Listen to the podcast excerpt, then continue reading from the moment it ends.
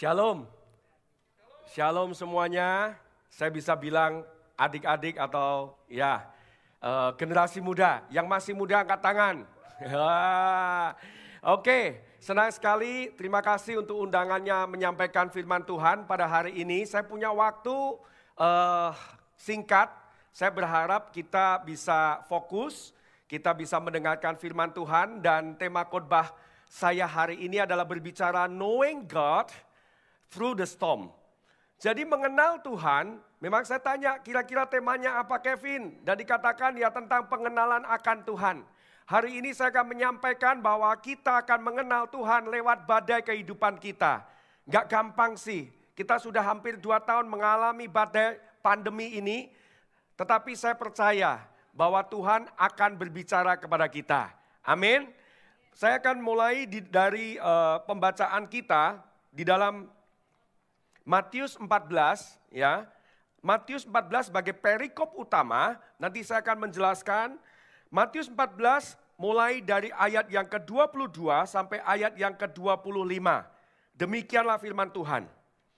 Sesudah itu, Yesus segera memerintahkan murid-muridnya naik ke perahu dan mendahuluinya ke seberang. Sementara itu ia menyuruh orang banyak pulang. Dan setelah orang banyak itu disuruhnya pulang, Yesus naik ke atas bukit untuk berdoa seorang diri. Ketika hari sudah malam, ia sendirian di situ. Perahu murid-muridnya sudah beberapa mil jauhnya dari pantai dan diombang-ambingkan gelombang karena angin sakal. Kira-kira jam 3 malam datanglah Yesus kepada mereka berjalan di atas air. Ya, ayat berikutnya, ketika murid-muridnya melihat dia berjalan di atas air, mereka terkejut dan berseru, itu hantu. Lalu berteriak-teriak karena takut. Tapi segera Yesus berkata kepada mereka, tenanglah aku ini jangan takut. Lalu Petrus berseru dan menjawab dia, Tuhan apabila itu engkau, suruhlah aku datang kepadamu berjalan di atas air. Kata Yesus, datanglah.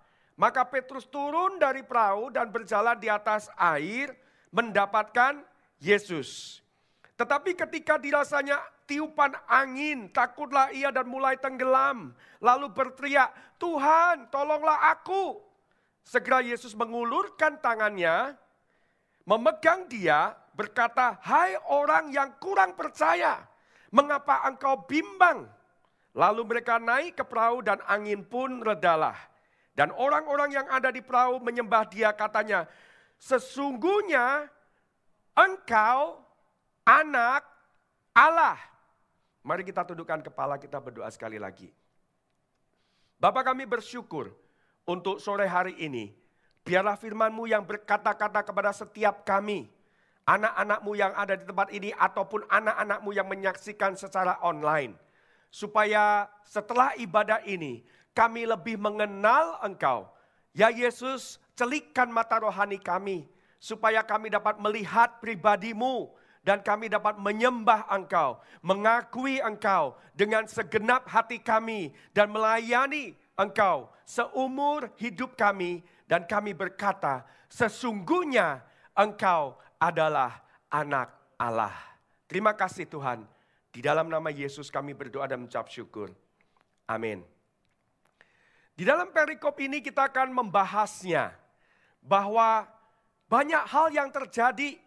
Di dalam Matius 14 kita melihat Yohanes dibunuh. Eh, Kemudian Tuhan Yesus memberi makan 5000 orang. Itu adalah kisah sebelum mereka naik ke atas perahu. Dan kemudian dimulai di dalam ayatnya yang tadi ke-22 bahwa Tuhan memerintahkan mereka untuk pergi ke seberang. Saya akan mulai dengan poin yang pertama. Poin yang pertama dikatakan di situ, sesudah itu Yesus segera memerintahkan murid-muridnya. Pertanyaannya, ini murid-muridnya pergi ke seberang itu atas kehendak siapa sih? Atas kehendak diri sendiri atau atas kehendak Petrus? Eh yuk kita udah melayani 5000 orang udah capek atau kita punya sisa 12 bakul yuk kita makan-makan ngemil-ngemil di seberang sana yuk. Lebih dingin di seberang sana. Enggak. Di sini dikatakan bahwa Yesus segera memerintahkan murid-muridnya naik ke perahu itu dan mendahului ke seberang. Jadi dengan jelas murid-murid Yesus itu sedang berjalan di dalam ketaatan. Yesus berkata, pergilah ke seberang dan mereka ikutin Yesus. Tetapi kenapa ya? Ikut Yesus kok masih mengalami badai. Nah mungkin banyak anak Tuhan ataupun banyak orang Kristen masih punya pikiran bahwa kalau ikut Yesus berarti tidak ada badai. Hei teman, kekristenan bukanlah jalan tol menuju ke surga. Saya mengatakan memang keselamatan iya, tapi maksudnya bukan berarti setelah terima Tuhan Yesus itu semuanya smooth, sailing, semuanya baik.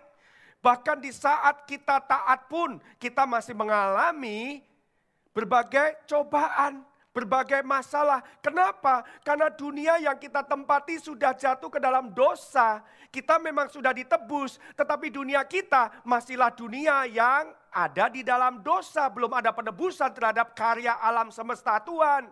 Makanya gak heran di tengah dunia itu kita akan mengalami berbagai aniaya, mengalami masalah, godaan, cobaan, derita, sakit, penyakit. Dan itu memang sudah nature-nya.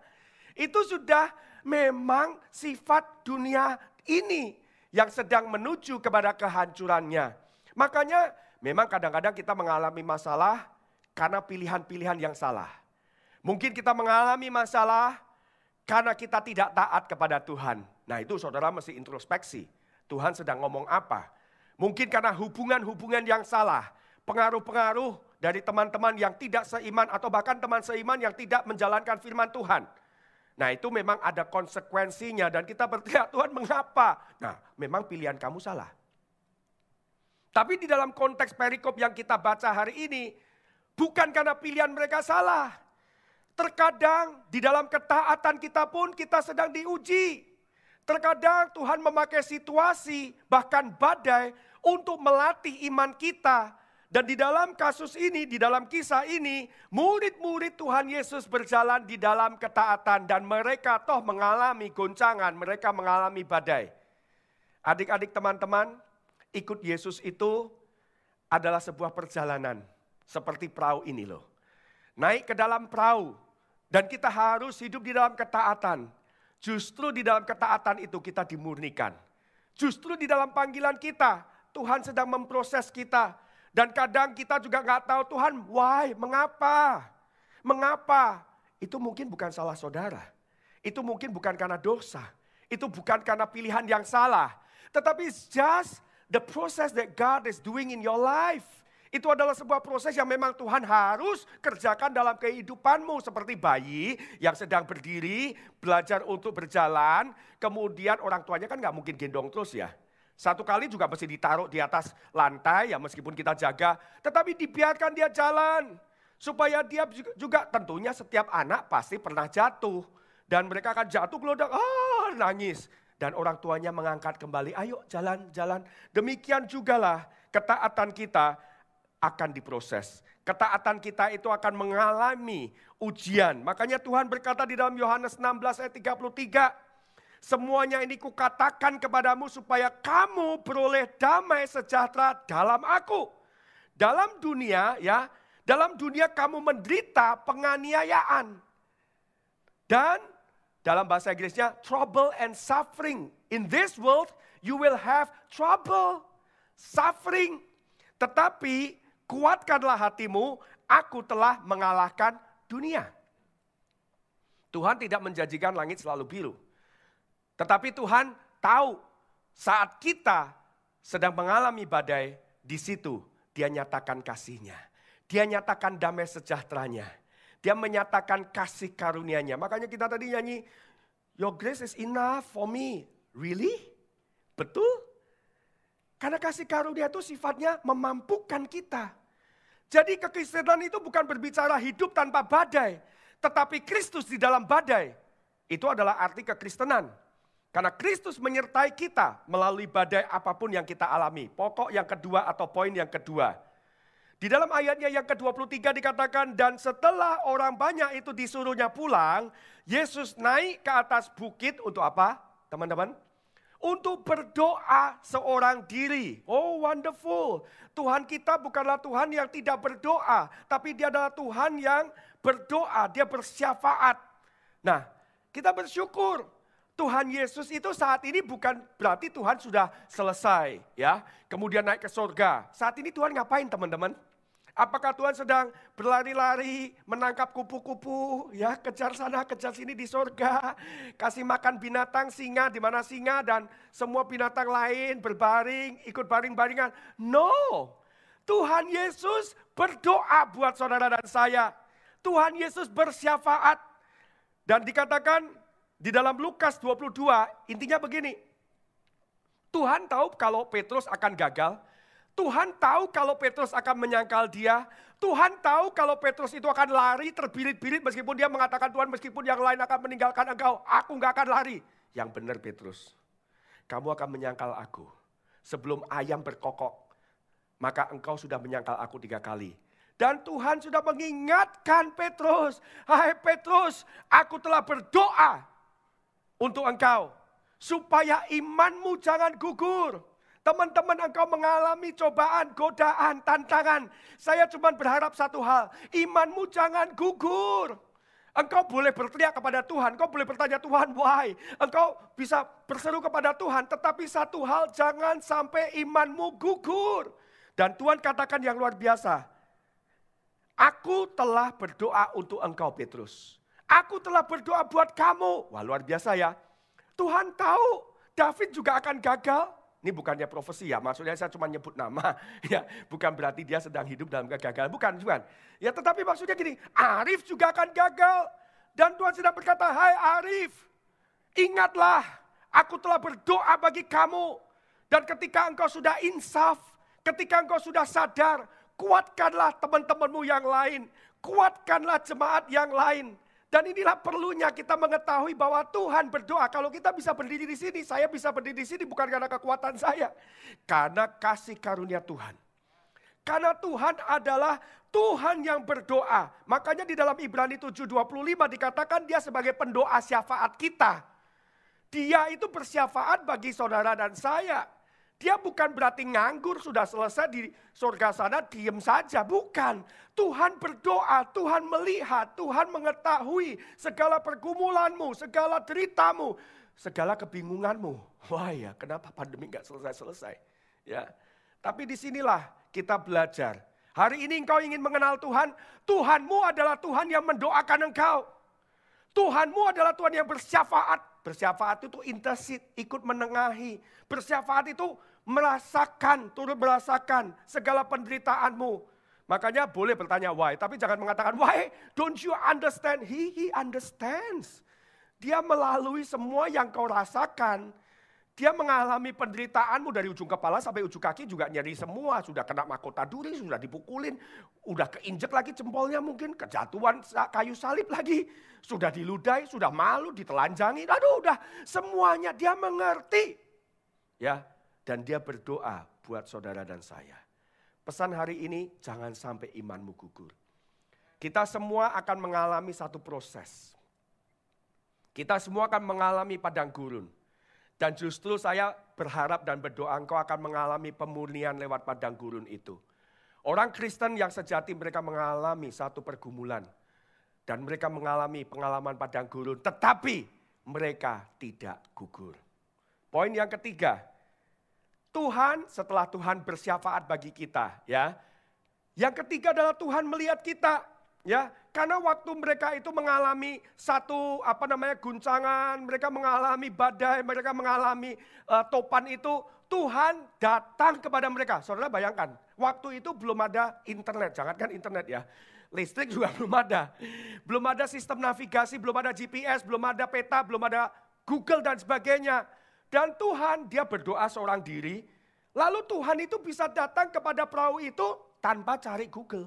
Tanpa cari di mana ya murid-muridku dipasang alat itu. Kemudian datang ke sana karena ditunjukkan, oke okay, turn left out of 300 meter. Turn left, turn left. Eh buntu, ya kan. Google pun bisa salah gitu kan. Tetapi Tuhan nggak perlu GPS. Tuhan itu berdoa, ngapain dia berdoa? Saya tahu Tuhan itu, meskipun nggak dijelaskan ya. Tuhan memang naik ke atas bukit dan dia berdoa, dia sedang mendoakan murid-muridnya. Dia berdoa, dia tahu muridnya sedang mengalami badai. Dan dia berdoa kepada Bapa di surga supaya murid-muridnya diselamatkan. Ini ironis sekali loh nih. Masa depan gereja itu dipertaruhkan di satu perahu itu loh.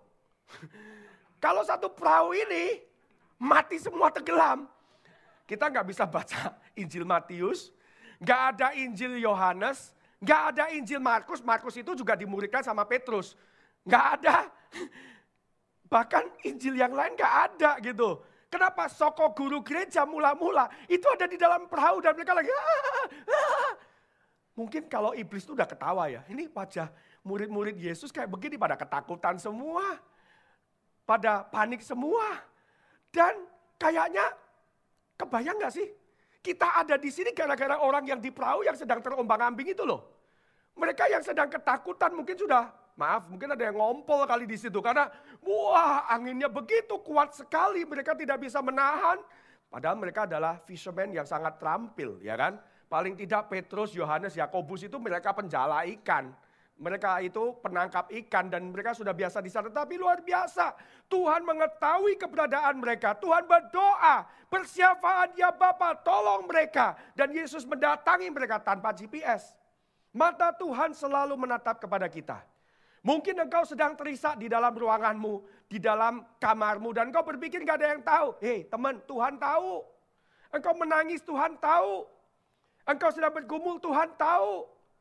Dan di sinilah kita bersyukur Tuhan selalu mengarahkan pandangan kepada kita. Sesungguhnya mata Tuhan tertuju kepada mereka yang takut akan dia. Persoalannya kita takut, maksudnya bukan ketakutan karena dia, Takut akan dia itu dalam bahasa uh, Alkitabnya adalah hormat, respect, honor. Ya, kita takut menyakiti dia. Kita takut untuk mengecewakan Tuhan. Kita takut kalau Tuhan sedih. Apakah teman-teman punya perasaan takut untuk membuat Yesus sedih? Kalau engkau itu takut untuk membuat Tuhan sedih, mendukakan Roh Kudus, Tuhan melihat engkau. Tuhan memperhatikan engkau. Dan dikatakan Tuhan itu matanya tertuju kepada mereka yang berharap akan kasih setianya.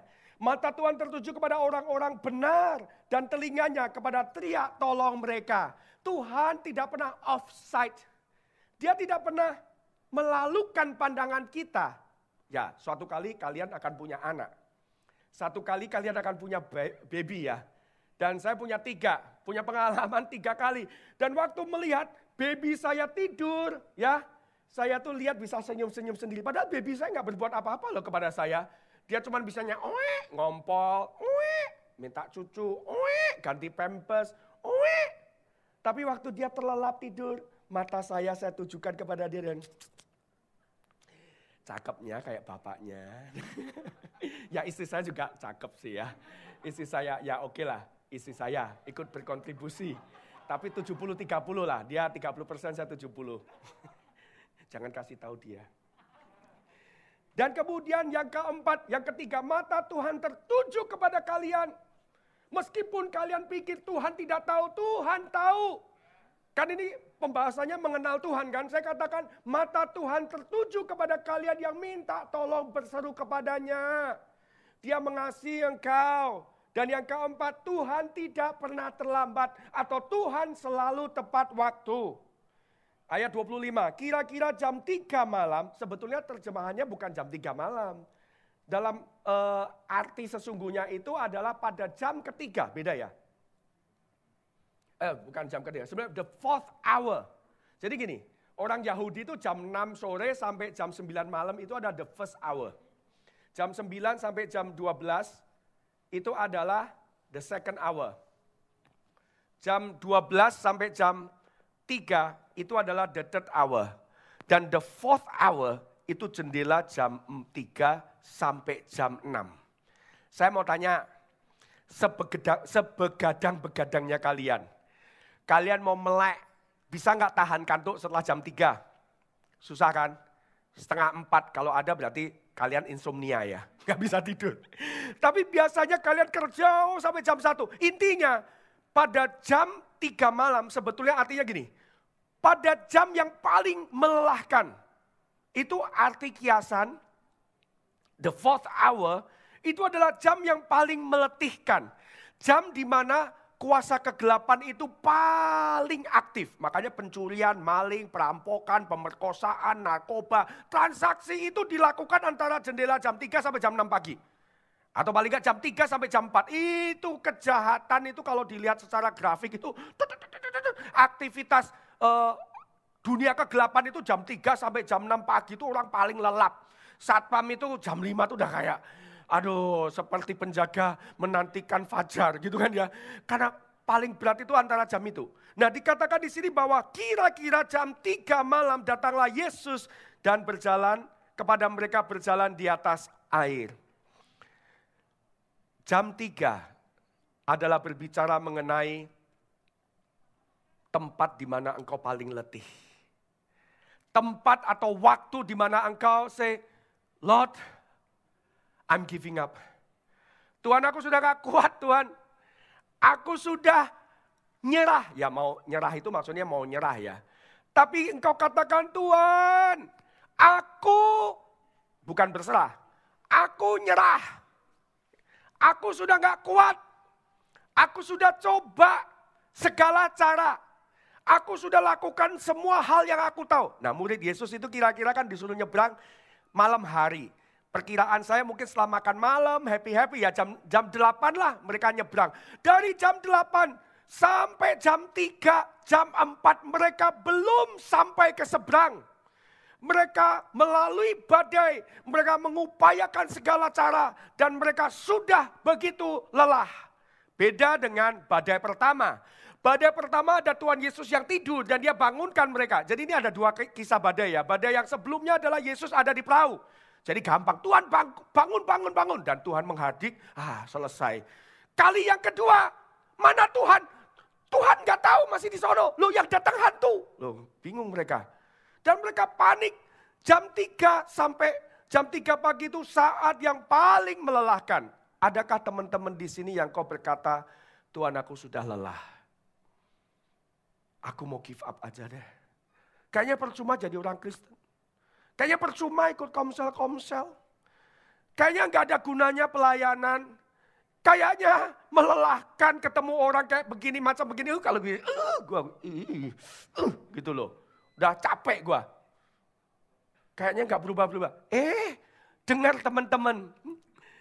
Tuhan memberikan kasih karunia-Nya. Dan Tuhan akan memberikan kekuatannya tepat pada waktunya. Memang sayangnya Tuhan tidak pernah lebih awal sering kali ya.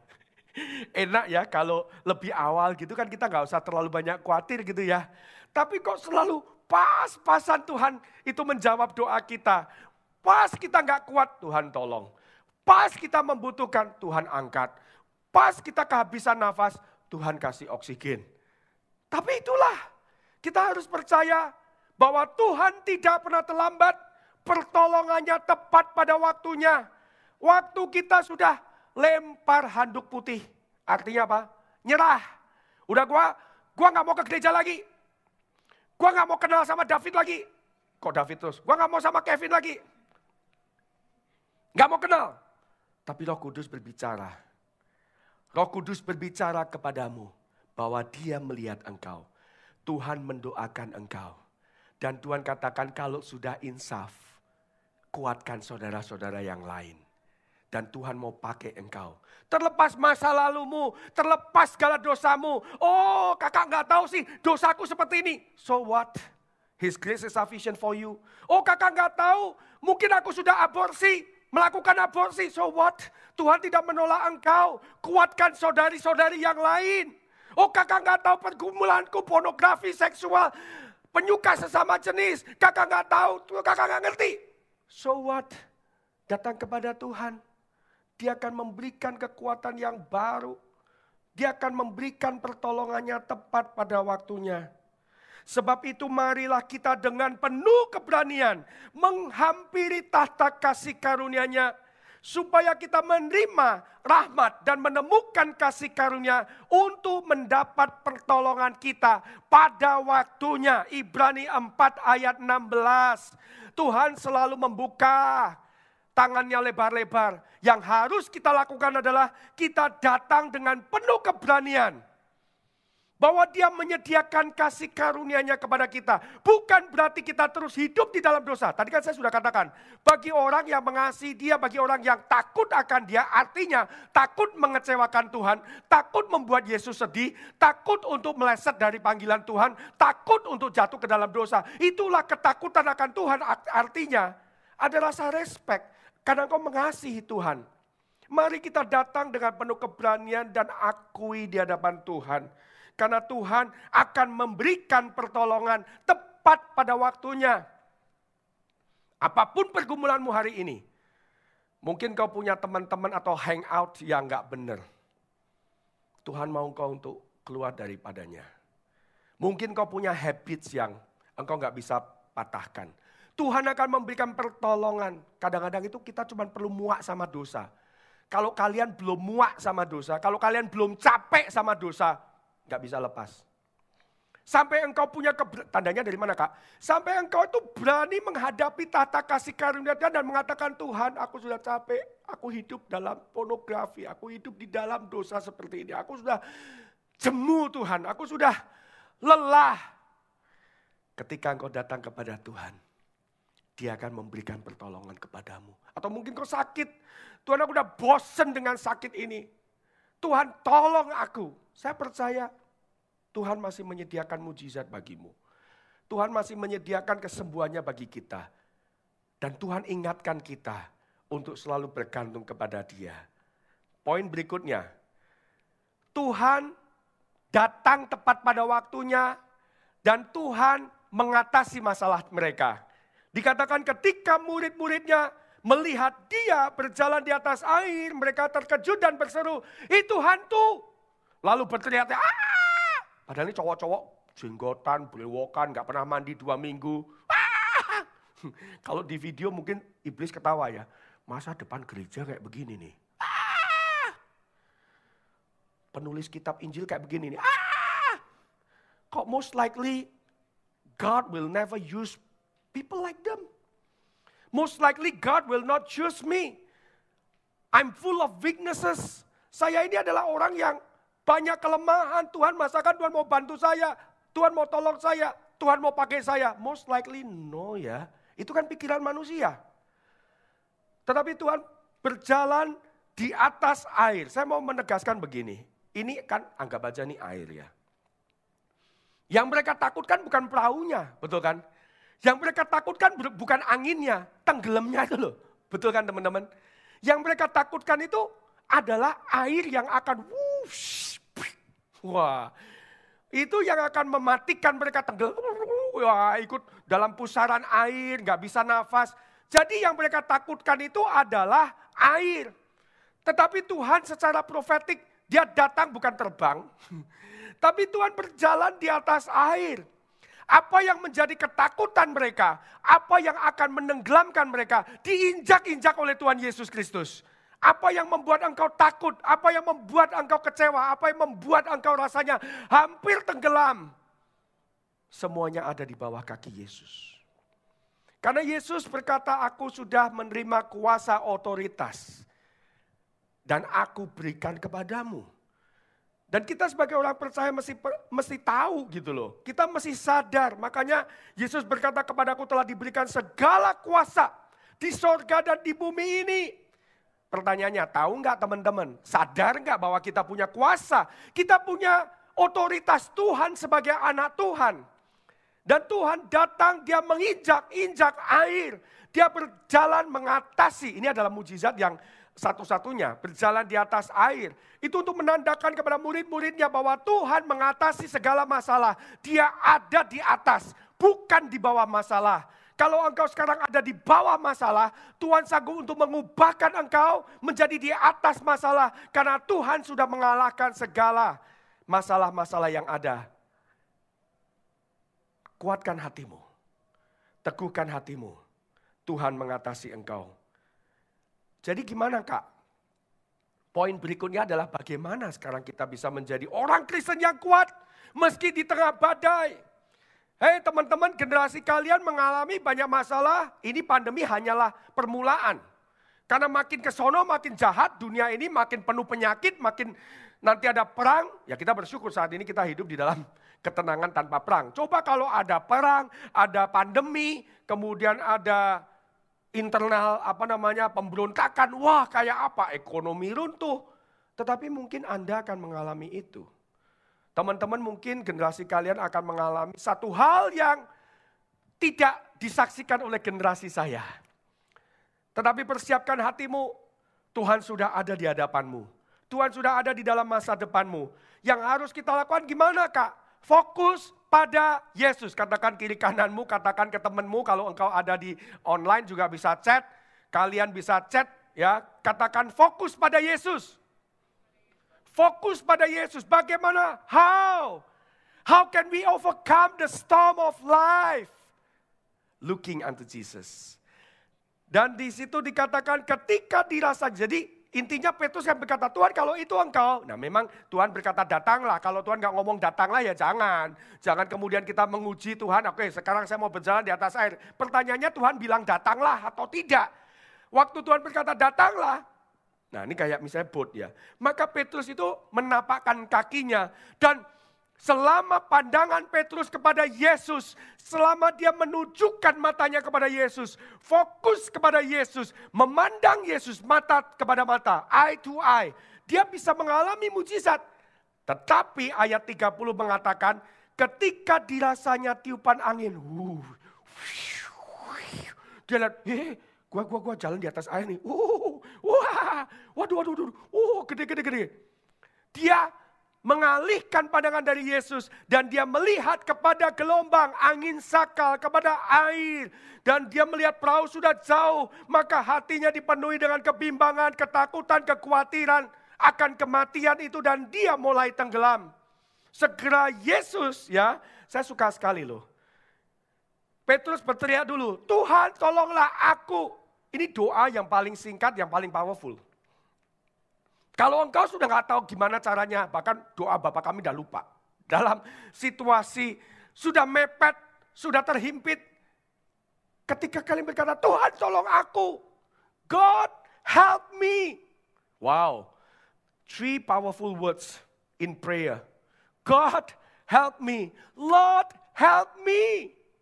Dan Tuhan langsung tangkap tangan Petrus Segera, inilah yang saya suka. Yesus itu nggak berlambat-lambat menolong saudara sebetulnya.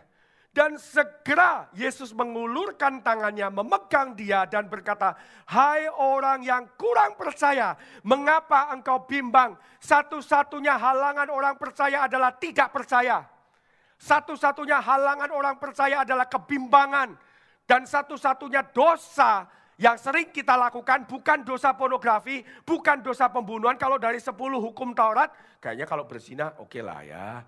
Enggak lah ya. Dosa tidak hormat orang tua, enggak lah ya. Kayaknya gue juga gini-gini masih hormat sama orang tua. Tapi dosa yang berulang kali suka saya lakukan, saya lah ya. Saya, saya masih lakukan sering kali adalah dosa khawatir. Kita itu lebih punya iman terhadap kekhawatiran daripada iman untuk percaya kepada Tuhan. Kalau istri saya selalu ngomong gini loh, orang kok suka mencicil kekhawatiran. Apa yang di masa depan sudah dicicil hari ini. Oh gimana anak saya kalau kuliah? Nah, anak kamu berapa? Tiga tahun kak. Hah? Tiga tahun khawatirnya sudah mulai sekarang. Mau berapa belas tahun kamu khawatir tentang masa depan anak kamu? Ya kan? Jadi kita itu suka nyicil dulu kekhawatirannya. Down payment dulu kekhawatiran. Kapan jatuh temponya? Nggak tahu kak. Kalaupun sudah nantinya kuliah, khawatir lagi gimana nanti kalau nggak dapat jodoh. Kalau sudah dapat jodoh gimana kalau nggak dapat anak? Gimana kalau anaknya begini? Gimana kalau keluarganya? Oh banyak sekali kekhawatiran. Dan itu dosa yang biasa dipraktekkan oleh orang Kristen yang kita nggak sadar dan kita nggak minta ampun. Tetapi Tuhan berkata di sini ya sebetulnya dikatakan hai orang yang kurang percaya mengapa engkau bimbang. Ibrani 12 ayat 2. Marilah kita melakukannya dengan mata tertuju kepada Yesus yang memimpin kita dalam iman dan membawa iman kita kepada kesempurnaan. Dan Yesus dengan tekun memikul kayu salib.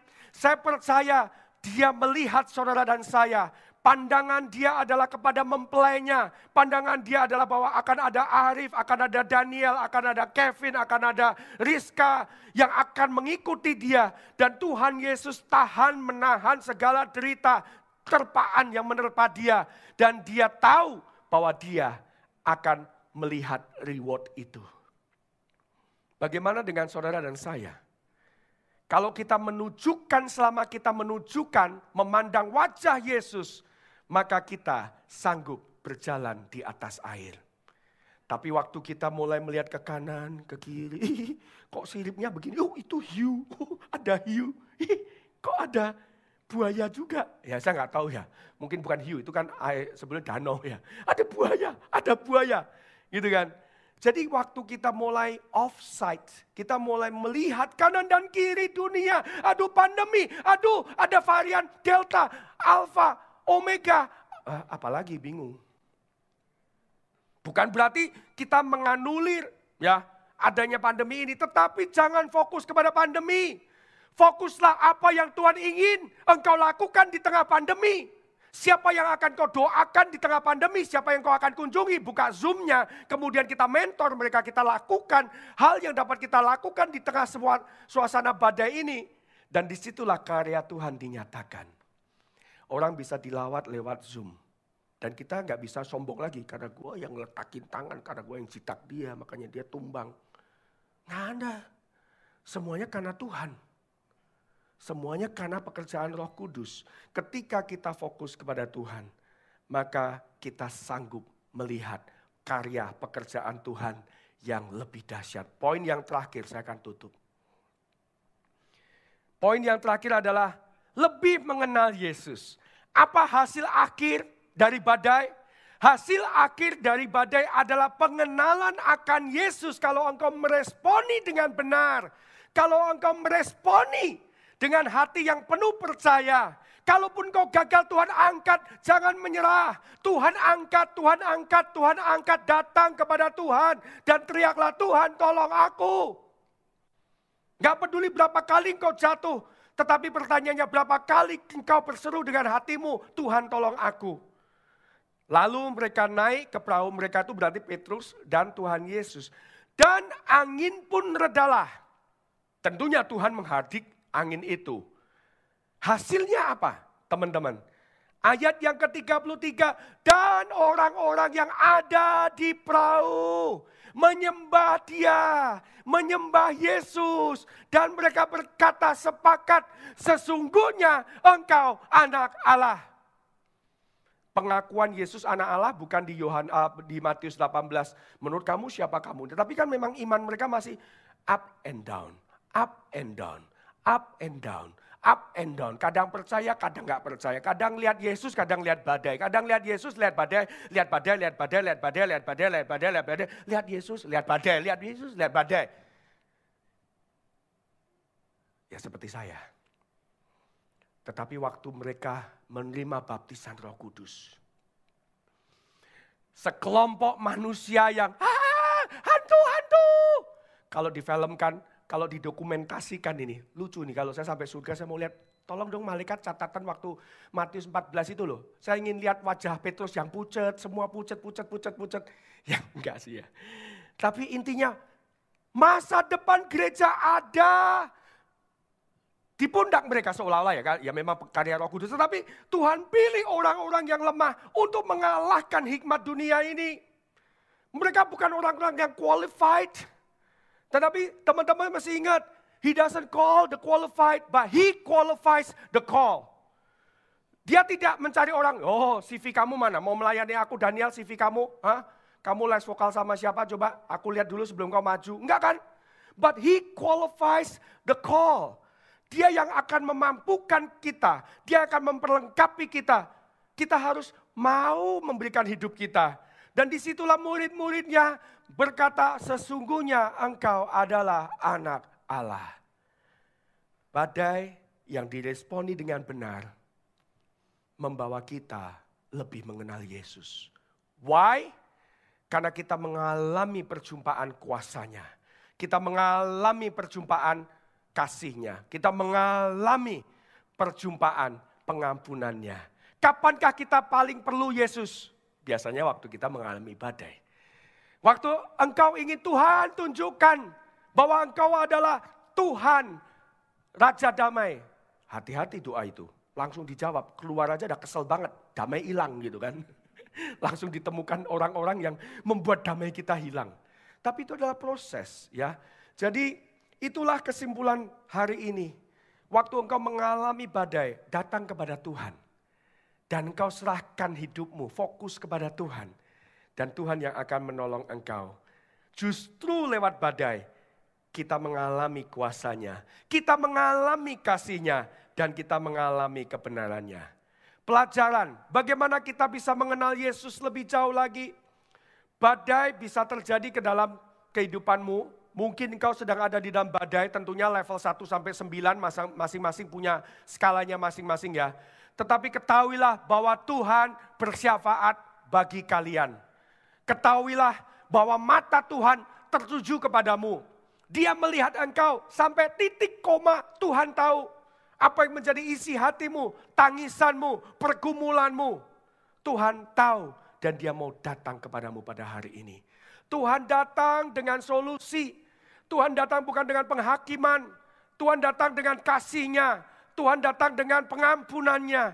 Tuhan datang dengan anugerahnya. Tuhan datang dengan kasih karunia-Nya. Omong-omong apa sih bedanya mercy and grace? Oh kita sering mendengar anugerah, kita sering mendengar kasih karunia. Mercy itu adalah Tuhan menolong engkau di masa lalu, mengampuni dosamu. Itu karena mercy Tuhan, karena anugerah Tuhan engkau diselamatkan. Tetapi kasih karunia itu adalah untuk apa yang ada di hadapanmu. Tuhan memampukan engkau. Tuhan menolong engkau untuk menjadi serupa dengan dia. Itu adalah God's grace. Dan Tuhan mampukan kita semua kok. Kalau kita mau datang kepada Tuhan dengan sungguh-sungguh. Tuhan telah menginjak-injak lawan-lawanmu. Kekuatan iblis mana pun ada di bawah kaki Tuhan. Dan kita harus fokus kepada Tuhan. Kemampuan kita untuk berjalan di atas masalah ditentukan oleh fokus kita. Dan yang terakhir, badai membawa kita lebih mengenal kepada Tuhan. Welcome to the storm of life. Saya menyambut teman-teman adik-adik untuk bergabung di dalam perjalanan kekristenan yang sungguh luar biasa. So exciting mengalami kasih karunia Tuhan bahkan di tengah badai. Mari kita tundukkan kepala, izinkan saya untuk berdoa buat kalian semua. Biarlah pada hari ini, apa pun yang kau alami, apa pun yang menjadi pergumulanmu hari ini, Tuhan katakan, I'm coming to you. I'm coming to you. Reach out to God. Kalau engkau mau menghampiri dia, engkau mau untuk meletakkan semua pengharapanmu kepada Dia. Biar engkau datang kepada Tuhan saat ini. His grace is sufficient for you. His grace is sufficient for you. Datang kepada Tuhan. Saya percaya bahwa generasi kalian adalah generasi yang luar biasa. Generasi kalian dipersiapkan untuk tuayan akhir zaman. Tetapi oleh karena itulah hari-hari ini kayaknya hell breaks loose. Kekuatan neraka itu sedang ditujukan untuk generasi kalian dan generasi berikutnya. Mengapa? Karena iblis ingin menghancurkan seperti murid-murid Tuhan yang di dalam perahu itu. A bunch of loser. Waktu itu kayaknya they are just a bunch of loser. Mereka adalah orang-orang Galilea yang nggak berpendidikan. Mereka bukan orang pandai. Jangankan khotbah, ngerti Alkitab juga nggak tahu. Tetapi bukan berarti kita kemudian, eh Tuhan aku nggak mau belajar Alkitab. Bukan itu maksud saya. Tetapi if you think that you are a loser, welcome to the club. The great apostle of Jesus Christ, they were loser before. Mereka adalah orang-orang yang penakut. Mereka orang penuh dengan kebimbangan. Sudah banyak mujizat pun gak percaya gitu loh. Sudah diingetin, masih nyangkal juga. We are not better than them. And they are not better than us. Tetapi poinnya di sini maukah engkau datang kepada Tuhan. Dengan pengenalan yang kembali lagi Tuhan pakai hidupku Tuhan. Untuk menjadi berkat buat generasiku. Untuk menjadi berkat buat generasi adik-adik yang di bawah kita. Dan mereka akan mengalami goncangan yang percayalah jauh lebih dahsyat dibandingkan goncangan perahu itu. Karena si iblis bekerjanya lebih tinggi lagi. Tetapi ingat, Tuhan lebih dahsyat lagi. Dia maha dahsyat. Dan dia akan menolong kita untuk mengatasi setiap badai dalam kehidupan kita. Terima kasih Tuhan. Untuk firman yang kau sampaikan kepada kami. Terima kasih untuk generasi muda yang saat ini menyaksikan ibadah yang ada di tempat ini juga. Tuhan pakai hidup mereka Tuhan. Dan biarlah mereka menjadi rasul-rasul yang luar biasa bagi generasi mereka. Mereka sebagai penerobos, perintis untuk memulai kegerakan Tuhan di akhir zaman. Mereka akan menjadi orang-orang yang dipersiapkan untuk membawa kabar Injil ke tempat-tempat yang belum pernah diinjili sebelumnya Tuhan. Mampukan mereka untuk melihat diri mereka sebagaimana Tuhan melihat mereka. They are not bunch of loser. Mereka bukanlah orang yang pecundang. Tetapi di dalam Kristus, we are more than conquerors.